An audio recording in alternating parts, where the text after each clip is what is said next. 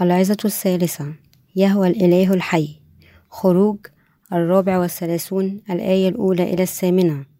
ثم قال الرب لموسى انحت لك لوحين من حجر مثل الأولين فاكتب أنا على اللوحين الكلمات التي كانت على اللوحين الأولين. اللذين كسرتهما وكن مستعدا للصباح وأصعد. في الصباح إلى جبل سيناء. وقف عندي هناك على رأس الجبل ولا يصعد إنسان معك وأيضا لا يرى إنسان. في كل الجبل الغنم أيضا والبقر.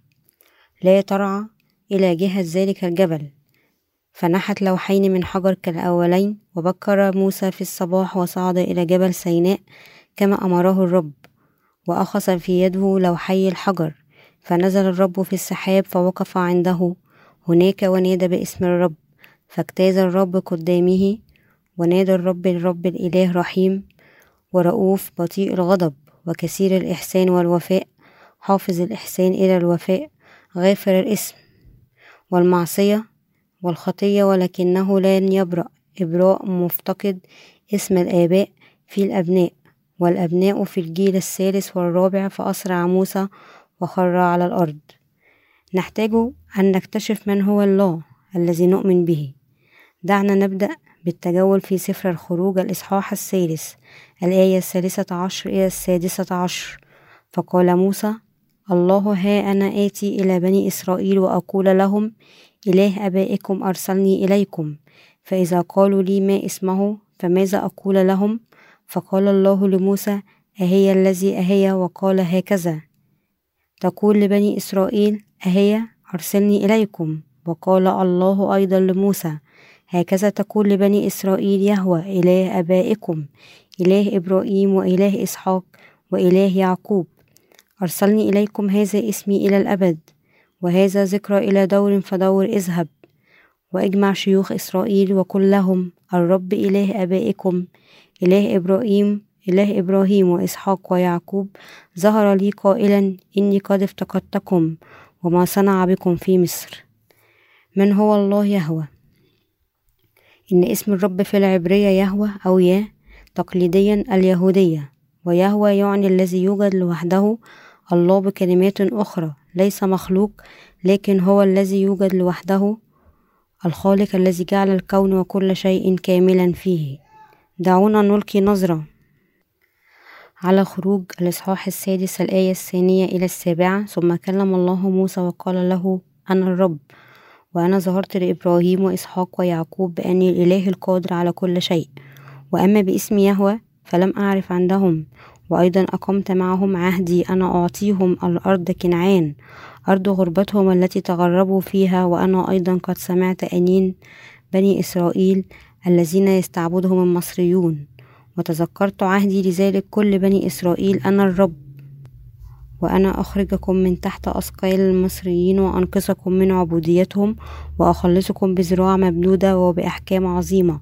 وأتخذكم لي شعبا وأكون لكم إلها فتعلمون أني أنا الرب إلهكم الذي يخرجكم من تحت أثقال المصريين. وفي الآية الثالثة يقول وأنا ظهرت لإبراهيم وإسحاق ويعقوب بأني الإله القادر على كل شيء وأما باسم يهوى فلم أعرف عندهم في ترجمة الملك جيمس الفقرة بواسطة اسمي الرب. مكتوب بواسطة اليهود اسمي اليهو اسمي تعني يهوى بالعبرية الموجود بذاته أو اسم عالم الله الحقيقي الواحد. الله لم يعرف باسم اليهوى عند البشرية من أمام لذا دعاه الشعب كالله. لكن الآن لينقذ شعب إسرائيل أراد الله أن يعرف اسمه اليهوى عند كل شعوب هذا العالم. أنا اليهوى أنا يهوى أنا الذي أنا.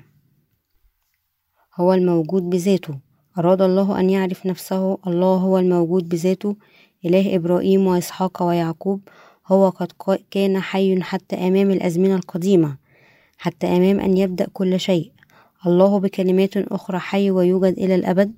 الله قد سمح بأن شعب إسرائيل أبناء إبراهيم يستعبدون في مصر الأربعمائة وثلاثون سنة. وبعد ذلك قد وعد بأنه سيخلصهم من عبوديتهم ويقودهم إلى أرض كنعان. كما وعدهم ظهر الله كيهوى بعد أربعمائة وثلاثون سنة وأمر موسى أن يخلص شعب إسرائيل من اضطهاد الفرعون. أنا اليهوى أنا الذي أنا إلهك. أطلق شعبي ليعبدني لأجل شعبه. أظهر نفسه أمام موسى وفرعون وأمره أن يترك شعبه. يذهب. لأن الله يهوى عرف آلام شعب إسرائيل لأنه عرف بأن شعبه كان يئن تحت آلامهم. الله قال بأنه يخلصهم من عبوديتهم. جاء الله لشعب إسرائيل وظهر لهم بعد أربعمائة وثلاثون سنة من وعده لإبراهيم. أنا اليهوى أنا الله. أنا قد جئت لأتمم الوعد الذي وعدته لإبراهيم أبوك وهو أني أقود. أقود أبنائي خارج مصر إلى أرض كنعان وأنا أعرف أيضا كل آلامك. اذهب لفرعون الآن وأخبره هذا. هذا ما يقوله الله يهوى. نحن يجب أن ندرك أن الله بالحقيقة إله إبراهيم وإسحاق ويعقوب. الله أيضا إلهنا الخاص. لكم ولي ما هو إذا اسمه. اسمه يهوى يعني هو الموجود بذاته. الله قد وجد حتى أمام خلق الكون كالموجود وحده. الذي جاء ليس بواسطة شخص آخر لكن بذاته. يجب أن نفهم معنى اسم الله. إنه لمن الضروري أن ندرك ونؤمن أن الله في الحقيقة هو الموجود بذاته ومن خلقنا. الذي يحكم علينا والذي قد خلصنا من أثامنا يجب أن نثق بالله يهوى. كإلهنا المطلق. لأجل هذا خلق الله يهوى في الحقيقة الكون بكله. ويظل موجودا إلى الأبد مثلما تسلم شعب إسرائيل أوامره. نحن أيضا تسلمنا أوامره. وكما فشل شعب إسرائيل قد في العيش بحسب الناموس. نحن أيضا قد فشلنا في أن نعيش بحسب الناموس. وهكذا بسبب أثامنا أمام الله لم نتمكن من العيش إلا ككائنات محكوم عليها بالموت. بسبب أثامنا بكلمات أخرى نحن في الحقيقة ما تمكنا أن نفر من دينونة أثامنا لهذا كل شخص منا يجب أن يدفع فدية إلى الله ليكفر عن أثامه الخاصة. لننقذ من أثامنا نحن كان. يجب أن نقدم لله الآب ثمن التكفير بما يساوي حياتنا. مع إيماننا كان يجب أن نعطي في الحقيقة الذبيحة فداء حياتنا لكي ننال فقط الحكم وأن تكتشف الحب الرحيم الله فقط بتقديمنا التكفير الحقيقي عن الحياة لأثامنا. يمكن أن يرجع السلام بين الله والبشرية. إنه فقط من خلال الإيمان يمكن أن نخلص من أثامنا ودينونتنا لأن هذه حقا الحالة. حينما نذهب أمام الله كان يجب أن نعترف بالآثام التي ارتكبناها أمامه لأننا لا يمكن أن نهرب من الحكم المحكوم به علينا ونعاقب لأجل هذه الآثام. عندما نثق بالله كمخلصنا يجب أن نعرف الحقيقة ونعترف أننا مصيرنا جهنم بسبب آثامنا ونثق بالمسيح الذي قد دفع لأجلنا ثمن آثامنا وخلصنا من حكم الخطية. عندما نذهب أمام الله كمخلصنا يجب أن نثق بالمعمودية ودم المسيح يسوع. ذبيحة أثامنا. نثق به كالمسيح ونعترف به كمخلصنا. يجب أن نثق بالمعمودية ودم يسوع. ذبيحة أثامنا. نثق بالمسيح ونعترف به في مصيره ذاته. يجب أن نعترف بأننا كلنا مذنبون أمام الله بسبب فشلنا في حفظ وصاياه وأن نؤمن أن يسوع قد خلصنا من أثامنا وأن نعترف بأننا لا يمكننا تجنب عقاب الله للخطية وأن نعترف بأننا لا يمكن تجنب عقاب الله للخطية وباعترافنا هكذا بشرنا نصبح مؤهلين لنوال هبة مغفرة الخطية التي قد أعطاها لنا الله. ونستطيع أن نبني أساس إيماننا الذي يمكن به أن ننال رحمة الله ومغفرته للخطية ليجعلنا أبنائه خاصته. خلقنا الله في صورته الخاصة لكنه سمح لنا أن نولد في الضعف. ليجعلنا أبنائه كنسل آدم نحن كنا مولودين كخطاة. لكن هذا تدبير الله العميق إذ بعد أن كنا كائنات محكوم عليها بالموت لآثامنا إلا أن الله تمم مشيئته الله أرسل أبناءه أبنه إلينا. وقد غفر لنا كل أثامنا. يسوع ابن الله استلم معموديته ومات على الصليب في طاعة إلى خطة الله. الله يهوى إذا قد أعطى حياة جديدة لمن يؤمنون منا بأن كل أسامي العالم قد عبرت إلى ابنه بمعموديته من يوحنا الذي خلصنا من كل أسامنا بدمه على الصليب والذي بذلك حمل كل إدانة أسامنا معمودية يسوع ودمه كان ذبيحة أكثر من كافية لنا. عندما نؤمن أن ننال حياة جديدة ونخلص من أسامنا ونصبح أبناء الله ويجب أن نخلص كل أسامينا بواسطة الإيمان ومع إيماننا في الخيط الأرجواني والأزرق القرمزي والبوس المبروم يجب أن يكون عندنا نوع الإيمان الذي يسمح لنا أن نصبح شعب الله إنها الحقيقة المطلقة بالتأكيد ومن لديهم مثل هذا الإيمان يمكن أن يصبحون شعب الله حقا. كل آلهة أديان هذا العالم مجرد مخلوقات من صنع البشر. كل الآلهة الأخرى فضلا عن الله يهوى المسيح يسوع والروح القدس هي مجرد آلهة دنيوية صنعتها البشرية بنفسها. لا يوجد غير الله في هذا العالم من يوجد بذاته. لهذا الله يهوى قال أنا الذي أنا. فهل هناك بالحقيقة شخص يوجد بذاته؟ بوذا كان مولودا من رحم أمه وهكذا هو مجرد مخلوق الله أيضا. أنفوشيوس وأيضا محمد لأنهم كانوا كلهم مولودين من أبوين وإذا هم مجرد مخلوقات خلقها الله. تماثيل بوذا التي قد صبها أو قطعها أيضا إتباعه هي مجرد أشياء من صنع الإنسان. صنعت بالأحجار أو المعادن التي خلقها الله نفسه. كل شيء من الشمس إلى القمر والنجوم والماء والهواء ومجرد ومجرات الكون. الكل خلق بواسطته ولا شيء في هذا العالم لم يصنعه الله الملائكة والكائنات الروحية. خلقها الله أيضا فقط إله إبراهيم وإسحاق ويعقوب الذي نؤمن به. الله يهوى هو الذي يوجد بذاته. الله يهوى ما كان ليخلق بواسطة أي شخص آخر فقط وجد بذاته وهو فقط خالق الكون بكله وهو الذي خلقك وخلقني. الله يهوى فقط هو من قد خطط في رغبته أن ينقذنا من أثامنا. ويجعلنا شعبه الخاص. الله هكذا رسم خطة ليجعلنا مولودين في هذا العالم ونصرخ ونعود فارغين اليدين. لهذا رسم خطة ليسمح لنا أن نعاني في هذا العالم. حتى نبحث عن الله ونقابله. عندما نقول بأننا نثق بالله يجب أن نعترف في الحقيقة أننا بسبب أثامنا فشلنا في حفظ وصايا الله وأننا لا يمكن أن نتجنب مواجهة عقاب الموت. وهو جهنم وآلام الرهيبة أمام الله. أمام أن نثق بيسوع المسيح المسيح كمخلصنا. يجب أولا أن نعترف أننا خطاة ولا يمكن أن نتجنب مواجهة الحكم الرهيب للخطية والإلقاء في جهنم. الله يهوى القدير كلي العلم. فقط الله هو الله الكلي العلم والقدير الذي جعلنا حقا ملوك على العالم. بعد أن ندرك هذا يجب أن نعترف أمام الله فقط أي نوع من الخطاة نحن حقا. يجب أن نعترف بأنها بأنه بسبب آثامنا لا يمكن أن نتجنب الخضوع لحكم الله الغاضب الرهيب وأن نثق بالحقيقة أنه بإيماننا بحمل الله الذي جاء لكي يخلصنا من أثامنا وبواسطة مرور كل أثامنا لهذه الذبيحة بوضع أيدينا على رأسه حلت كل مشاكل الخطية.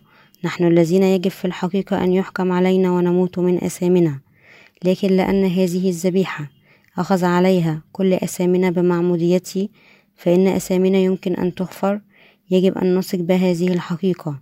يجب أن نعترف على هذه الذبيحة الله لأنه لا شيء مستحيل. قد خلصنا حقا خلصنا حقا نحن الذين لم نتمكن من تجنب مصيرنا الأبدي لجهنم لأجل كل أثامنا الشعب الذي يؤمن بهذا هو مؤمنون حقيقيون بيسوع المسيح المسيح إنه في الحقيقة من الخطأ أن نثق بالمسيح بشكل اعتباطي عندما نقول بأننا نثق بالله.